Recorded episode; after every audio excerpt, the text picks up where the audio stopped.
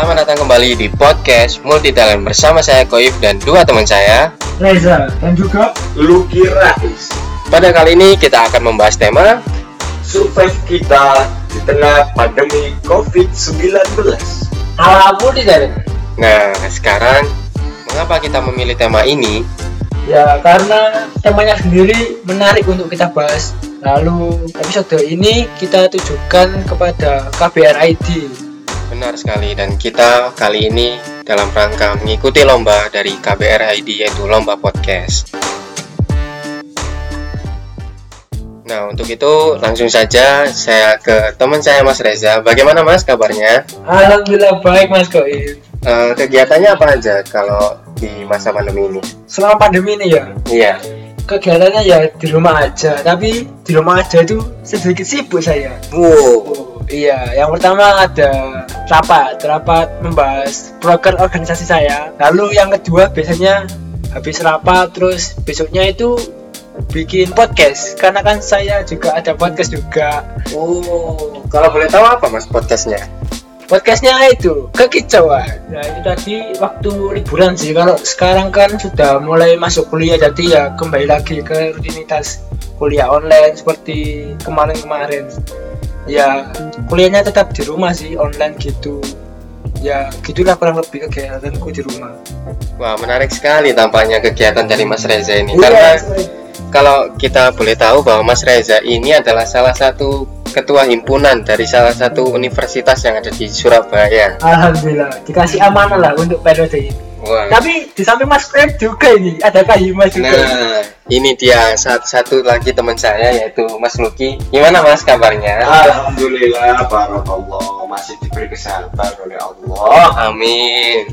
Lalu kegiatannya apa aja kalau boleh tahu selama pandemi ini?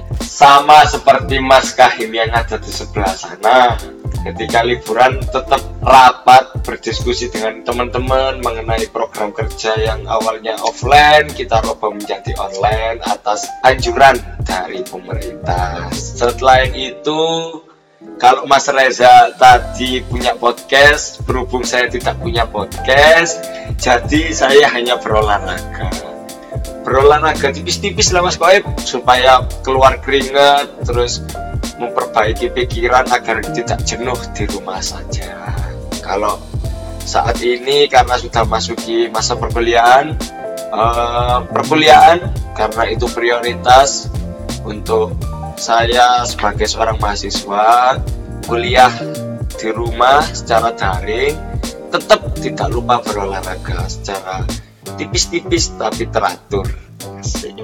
Kalau boleh tahu olahraganya apa ya? Ah, saya saat ini senang sekali bersepeda, Mas Bayu. Eh, untuk refreshing, untuk olahraga bisa dijadikan satu berbagai manfaat dari bersepeda. Bisa juga cuci mata. Wik, wik, wik, wik. Wah, ini memang ini apa mencari kesempatan dalam kesempitan. Wah, ya kan eh, sekali menyelam dua tiga Eh, sekali dayung. Oh iya, salah. Ini gimana? Sekali dayung dua tiga pulau terlampau. Iya. Eh, gitu sih. Ah, Sekali penyelam. Wah, apa penyelam sekali. Padahal anak sastra ya harusnya Iya. tahu lah. Ya kan itu karena saya sebagai individu bukan sebagai anak sastra keseluruhan nama Mas Kowe ya apa sih? Oh iya iya iya iya. Bisa dimaklumi lah ya Iya. kesalahan tersebut. Ya, kan? karena sudah waktunya jam tidur ini kan. Oh iya. Karena manusia tidak luput dari kesalahan, kesempurnaan hanya milik Allah. Amin, amin, amin. Tampak menarik sekali jawaban dari Mas Luki tadi. Iya. Maklum lah anak sastra itu kan kosakatanya itu gitu. Oh Menarik iya. lah. Perbendaharaan katanya cukup luas sekali Iya. dari Mas Luki. Beda kalau anak perbankan kan uang yang banyak bukan katanya. Oh iya, benar sekali, benar Ya. sekali. Teman-teman saya ini memang hebat-hebat semua. Tetapi ketika perbankan sebelumnya harus datang ke perpustakaan untuk mencari ilmu tentang perbankan. Nah, apabila tidak punya ilmu, maka kita akan tersesat di dunia ini. Kembali lagi ke mental. Oke, lanjut. Eh, kali ini saya ingin membahas tentang kegiatan-kegiatan selama kegiatan ini ngerasa nggak sih kalau kalian ini pada bosan? Mungkin dari Mas Reza dulu. Oh, kalau bosen itu pastilah. Itu manusiawi kalau bosen itu. Dalam hubungan aja bisa bosen toh. Iya. kikuk kikuk apalagi di saat pandemi ini di rumah saja selama kurang lebih enam bulan lah ya di rumah saja iya kurang lebih bulan. ya Oh, tujuh tujuh bulan. mau tujuh oh iya pasti bosen lah kegiatannya itu terus di rumah saja kalau mengurangi kebosanan pasti ya. Biasanya tuh lihat YouTube gitu-gitu cari hiburan. Kalau cari hiburan di luar sih jarang soalnya kan kita nggak boleh keluar-keluar yang kegiatan nggak penting itu nggak boleh kan Nah, kalau keluar sih ya kadang-kadang sama teman-teman gitu. Cuman ya sesuai protokol ya. Karena kalau kumpul sama temen itu bisa bercanda bisa sharing-sharing cerita juga. Karena kalau bercanda itu kan bahagia. Nah bahagia itu kan bisa menambah imun imunitas tubuh. Wah, benar sekali. Mantap sekali jawaban dari Mas Reza ini. Iya terima kasih mas Boy. Eh, dari Mas Luki sendiri bagaimana? Ya. apakah merasakan kejenuhan atau bosan ketika pandemi ini? Sangat sangat jenuh terutama di beberapa bulan terakhir ini Mas Baik saya rasa kok ini kok gini-gini aja gitu. Gak selesai-selesai corona ini. Meskipun di awal saya jujur saya seneng karena eh, kepingin pre- libur panjang seperti itu. Tetapi kalau liburnya kelamaan itu itu tadi bosen itu tadi. Mungkin cara saya menghilangkan bosen sama dengan mas yang sebelah sana mas Kaim sebelah sana. Melihat YouTube terus saya saat ini seneng lagi seneng stand up comedy mas Kaim oh ingin mencari hiburan. Ah mencari hiburan dari stand up comedy saat ini kan banyak kayak stand up comedy virtual terus dari YouTube YouTube juga banyak. Tapi aku udah ada sastra ini Ya, iya. komedi. Iya. selain itu selain melihat video melihat film di salah satu aplikasi juga berkumpul dengan teman-teman sama dengan Mas Hamam tetapi kita harus tetap menjalankan protokol kesehatan tetap pakai masker jaga jarak dan selalu cuci tangan. Eh, mungkin salah satu cara anak multi talent membuat kegiatan dengan mengadakan kegiatan sendiri. Kita berkumpul sendiri bakar-bakar tidak tidak dengan orang banyak tetapi hanya dengan golongan kita. Itu mungkin salah satu cara dari multi talent untuk menghilangkan stres selama pandemi. Dan juga mulai talent membuat podcast. Nah, ini adalah salah satu ada kita. Karya karya dari karya mulai kita, talent ya, kita mengalimediakan tongkrongan kita yang awalnya nongkrong-nongkrong sekarang menjadi podcast agar lebih bermanfaat untuk banyak orang menjadi penghiburan hiburan bagi para pendengar kita yang mungkin saat ini juga lagi sama-sama bosen di rumah mungkin mendengarkan podcast kita bisa membuat tertawa meskipun garing-garing sedikit Iya benar sekali. Jadi nggak ada alasan ya buat kita untuk ngerasa nggak bisa ngapa-ngapain. Padahal se- seharusnya di momen-momen seperti ini kita bisa meng, apa, eh, berinovasi lah dengan cara yaitu tadi membuat podcast menyalurkan bakat kita di platform-platform yang mungkin kali ini sudah mengikuti perkembangan zaman yang cukup canggih juga gitu Nah, saya setuju Mas Koib dengan pernyataan Mas Koib. Eh, mungkin di tengah banyaknya sisi negatif dari adanya pandemi ini, banyak juga hal positif yang muncul di tengah pandemi ini. contohnya Ah, contohnya yang dulunya tidak bisa mengedit, sekarang menjadi belajar untuk bisa mengedit. Banyak kebiasaan-kebiasaan baru yang dulunya ti- ketika kita berkegiatan sibuk di, di luar, ketika di rumah saja menjadi sebuah pengalaman baru untuk diri kita. Banyak sekali kegiatan-kegiatan yang dulunya dirasa tidak mungkin dilakukan, sekarang menjadi mungkin. Dan juga banyak lagi hal-hal yang bisa kita eksplor lebih dalam untuk kemajuan diri kita sendiri, untuk pengembangan diri kita sendiri. yang lebih penting sih jangan pernah merasa puas di zona nyaman ya. Harus keluar dari zona nyaman itu perlu. Karena kita bisa mengimprove diri kita sendiri untuk bisa jadi lebih baik. Itu sih nah lanjut untuk pertanyaan selanjutnya mungkin dari Mas Reza. Eh, pernah nggak sih ngerasa kalau misalkan Mas Reza tuh nggak stres depresi gitu selama di rumah? Oh, itu pernah itu pernah. Soalnya kan di rumah saja, gak ada hiburan, apalagi kepikiran dengan program kerja organisasi saya itu kan kita memik- memikirkan lagi merubah konsep yang awalnya offline menjadi online itu saya banyak pikiran. Terus ditambah kita kurangnya hiburan. Oh, iya. nah itu kan menjadi stres banget. Kita sulit untuk mencari solusi atas apa yang kita pikirkan tadi. Gitu sih. Kalau stres sih stres banget. Kita mencari hiburannya itu apa kadang ya ya YouTube tadi terus kita bertemu teman bercanda-canda gitu sih Eh, mungkin solusinya apa kira-kira? Kalau ketika Mas Reza ini sedang stres atau mungkin depresi mungkin ada solusi bagi para pendengar kita. Mungkin siapa tahu merasakan hal yang sama dengan Mas Reza. Ya untuk solusi sendiri ya kita kan di rumah saja terus paling sering di rumah itu ya pegang HP pasti cari hiburannya itu di sekitar handphone ini. Di dalam handphone ini kan banyak aplikasi seperti YouTube lalu aplikasi-aplikasi chatting lainnya. Nah bisa melihat YouTube tadi terus melihat yang lucu-lucu.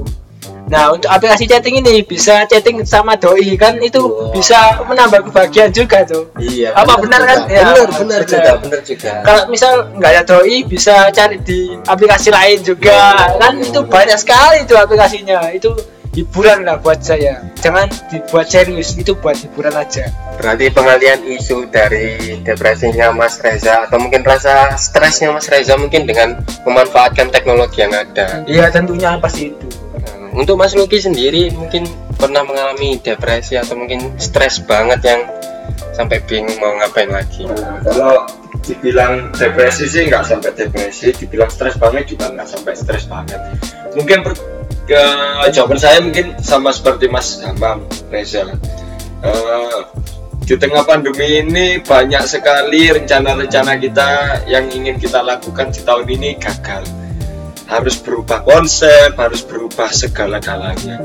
Itu yang membuat pikiran itu menjadi menjadi stres ya stresnya karena apa ya karena itu tadi eh, rencana-rencana yang kita sudah planning kita sudah rencanakan selama satu tahun ini tiba-tiba berubah hanya dalam hitungan hari hitungan minggu seperti itu terus kalau mungkin sih itu sih mas Koep Eh, mungkin kalau saya merasa stres tapi nggak sampai stres-stres banget jadi seperti itu Oh iya. Lalu pengalian isu dari stresnya itu kayak gimana kalau menurut Mas Luki sendiri? Eh, kalau menurut saya sih kita harus selalu berpikir positif sih, Mas Koit. Eh, kita harus berpikir husnuzon. Eh, iya, husnuzon ya. Iya, berprasangka baik. berprasangka baik. Mungkin saat ini kita sedang diuji, tapi di kemudian hari kita akan menemukan kebahagiaan. Saya sih selalu berpikiran seperti itu sih. Kita saat ini sedang diuji, ditempa sedemikian rupa, seperti keris. Kita akan ditempa sedemikian rupa, tapi kan ujungnya kita akan menjadi sebuah keris yang sangat indah, nah, yang sudah siap tempur. Nah, saya selalu berpikiran seperti itu. Saya juga bilang ke anak-anak saya atau ke anggota-anggota saya bahwa saat ini kita sedang ditempa. Kita harus berpikiran positif. Di, di ke depannya kita akan menjadi manusia yang lebih hebat, manusia yang lebih baik. Seperti itu. Mungkin itu terdengar sangat filosofis, tapi menurut saya itu adalah hal yang paling rasional, apa ya, yang paling Realistis. realistis untuk kita lakukan saat ini. Kalau kita berpikiran jelek-jelek terus, berpikiran negatif-negatif terus, ma- maka itu akan membuat semakin drop diri kita, semakin memperburuk imun kita, kita akan menjadi sakit-sakitan. Seperti itu sih, Mas. Ya mungkin balik lagi ke kepercayaan masing-masing ya. Balik lagi ke masalah spiritual ya. Karena mau gimana pun juga ya pada akhirnya ya kita meminta tolongnya kepada Tuhan. Mau siapa lagi gitu. Kenapa sih kok saya harus berpikiran positif Mas Koib? Karena menurut saya saat ini tuh informasi yang tersebar itu tentang COVID itu sangatlah banyak dan juga menurut saya informasinya itu kayak menakut-nakuti bukan menakut-nakuti ya apa terdengar menakut-nakuti lah seperti itu. Nah kalau kita seperti takut terus seperti itu kita harus kita nggak akan maju kita nggak akan pernah keluar dari situasi ketakutan. Maka dari itu kita harus berpikir positif kita harus berdamai dengan adanya covid seperti itu. Bukan takut mungkin lebih ke waspada ya. Karena lebih baik eh, nggak nggak usah takut sih sebenarnya. Ya lebih aware aja lebih waspada lebih meng- mengikuti aturan protokol kesehatan. Dan tetap beraktivitas seperti semula mengikuti perkembangan zaman yaitu new normal. Gitu. Selain itu kan saat ini juga banyak berita-berita hoax, berita-berita bohong tentang COVID. Itu yang semakin membuat orang-orang yang khususnya ada di Indonesia itu semakin takut adanya COVID seperti itu. Tapi kembali lagi seperti yang dikatakan Mas Koib kita harus tetap waspada.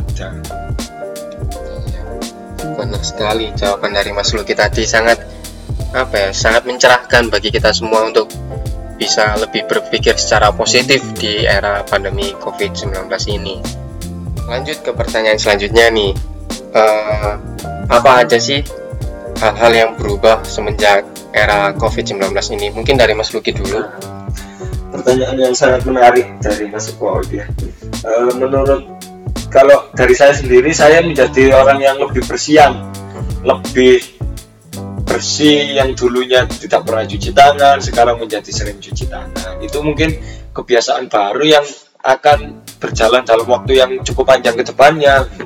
Selain itu saya sekarang lebih selektif terhadap informasi-informasi apa yang masuk ke diri saya.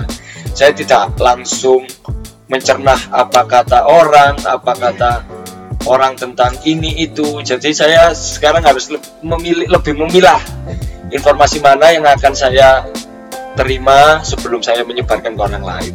Dan apabila informasi yang menurut saya itu tidak benar dan sudah saya cross check kebenarannya itu salah, maka saya akan hentikan penyebarannya di saya. Tidak akan saya sebarkan lagi untuk melebih menakut-nakuti orang seperti. Dan juga saya lebih merasa sehat saat ini. Karena saya sering berolahraga. Karena dulunya saya tidak pernah berolahraga, mungkin itu sih dari saya.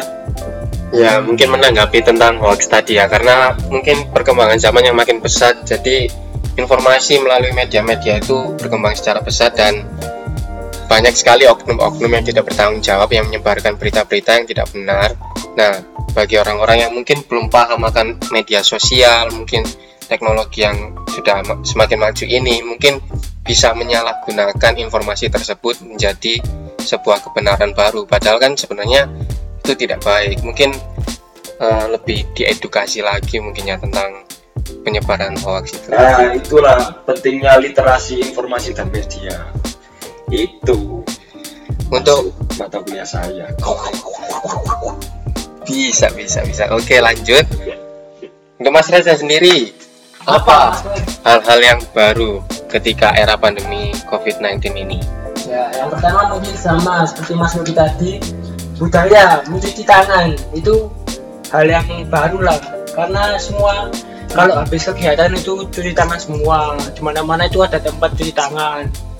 Bawa hand sanitizer, bawa apalah pokoknya yang buat bersih-bersih. Terus yang kedua itu fashion, yaitu masker.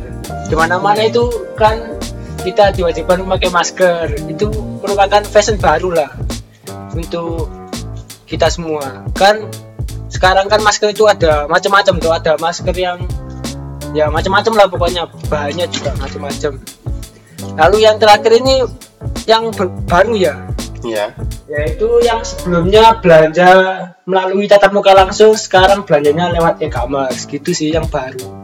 Mungkin seperti apa ya yang baru lain? Eh, dia online tapi gak balas kan sekarang juga. Oh ini ya? mungkin lebih ke sesi curhatnya. Dari Mas Reza. ini. Ah, Nah, Oke, ya cukup menarik sih bagi pembicaraan kali ini. Eh, mungkin nih untuk yang terakhir nih, mungkin ada pesan nggak untuk para pendengar ini yang mungkin sedang berjuang di masa pandemi ini? Apa sih kiat-kiat yang mungkin bisa kalian berdua sampaikan? Mungkin dari Mas Luki sendiri. Nah, mungkin karena saya sendiri merasa belum cukup ilmu untuk mengatakan kiat-kiat mungkin saya pesan sih sama teman-teman semua pendengar kalau kita itu harus tetap berpikiran positif berpikiran yang baik-baik tentang hal ini tentang yang kita hadapi saat ini. Bukan hanya kita yang menghadapi seluruh dunia menghadapi ini. Uh, tentunya kita harus percaya bahwa setelah kegelapan pasti akan ada habis gelap terbitlah terang. Nah dan terangnya itu akan membuat kita menjadi manusia lebih baik ke depannya. Untuk itu dan juga pesan saya satu uh, jangan gampang menyebarkan informasi bohong. Apabila kalian tahu itu informasi bohong cukup sampai anda saja jangan disebarkan. Itu akan membuat kegaduhan di masyarakat. Itu saja sih dari saya. Sangat filosofis sekali jawaban dari Mas Luki. Memang anak sastra ya begitu mas. Iya. Sebagai sastra ini saya bicara sebagai anak perpustakaan dan informasi. Bukan sebagai anak talent dan juga merangkap anak multi talent kan anak multi talent kan talentnya banyak nah, makanya disebut multi talent karena mempunyai talent dan kemampuan yang banyak dia bisa menjadi seorang anak sastra seorang anak perpustakaan anak psikologi ya, anak kedokteran Iya. ya. mungkin dari Mas Reza sendiri ya apa mungkin motivasi buat para pendengar dalam survive di masa pandemi ini? Ya motivasi ya. Meskipun kita tetap di rumah saja kita itu tetap bisa berkarya seperti ya bikin podcast seperti ini atau bikin yang lain-lain lah. Ya kalau keluar-keluar juga tetap patuhi protokol kesehatan. Itu dari saya. Ya sangat menarik sekali ya perbincangan kita pada kesempatan kali ini. Terima kasih untuk Mas Luki atas kesempatannya dan juga terima kasih untuk Mas Reza atas jawaban-jawaban yang sangat-sangat menarik dan tentunya tetap kalian jaga kesehatan, rajin berolahraga dan tetap patuhi protokol kesehatan yang ada. Jangan sampai kalian menyerah, jangan sampai kalian putus asa. Pasti masih ada kesempatan di masa pandemi COVID-19 ini. Mungkin cukup sekian dari podcast kita pada kesempatan kali ini. Saya Koif, saya Luki dan saya Reza pamit undur diri. Sampai jumpa di kesempatan selanjutnya. Bye bye.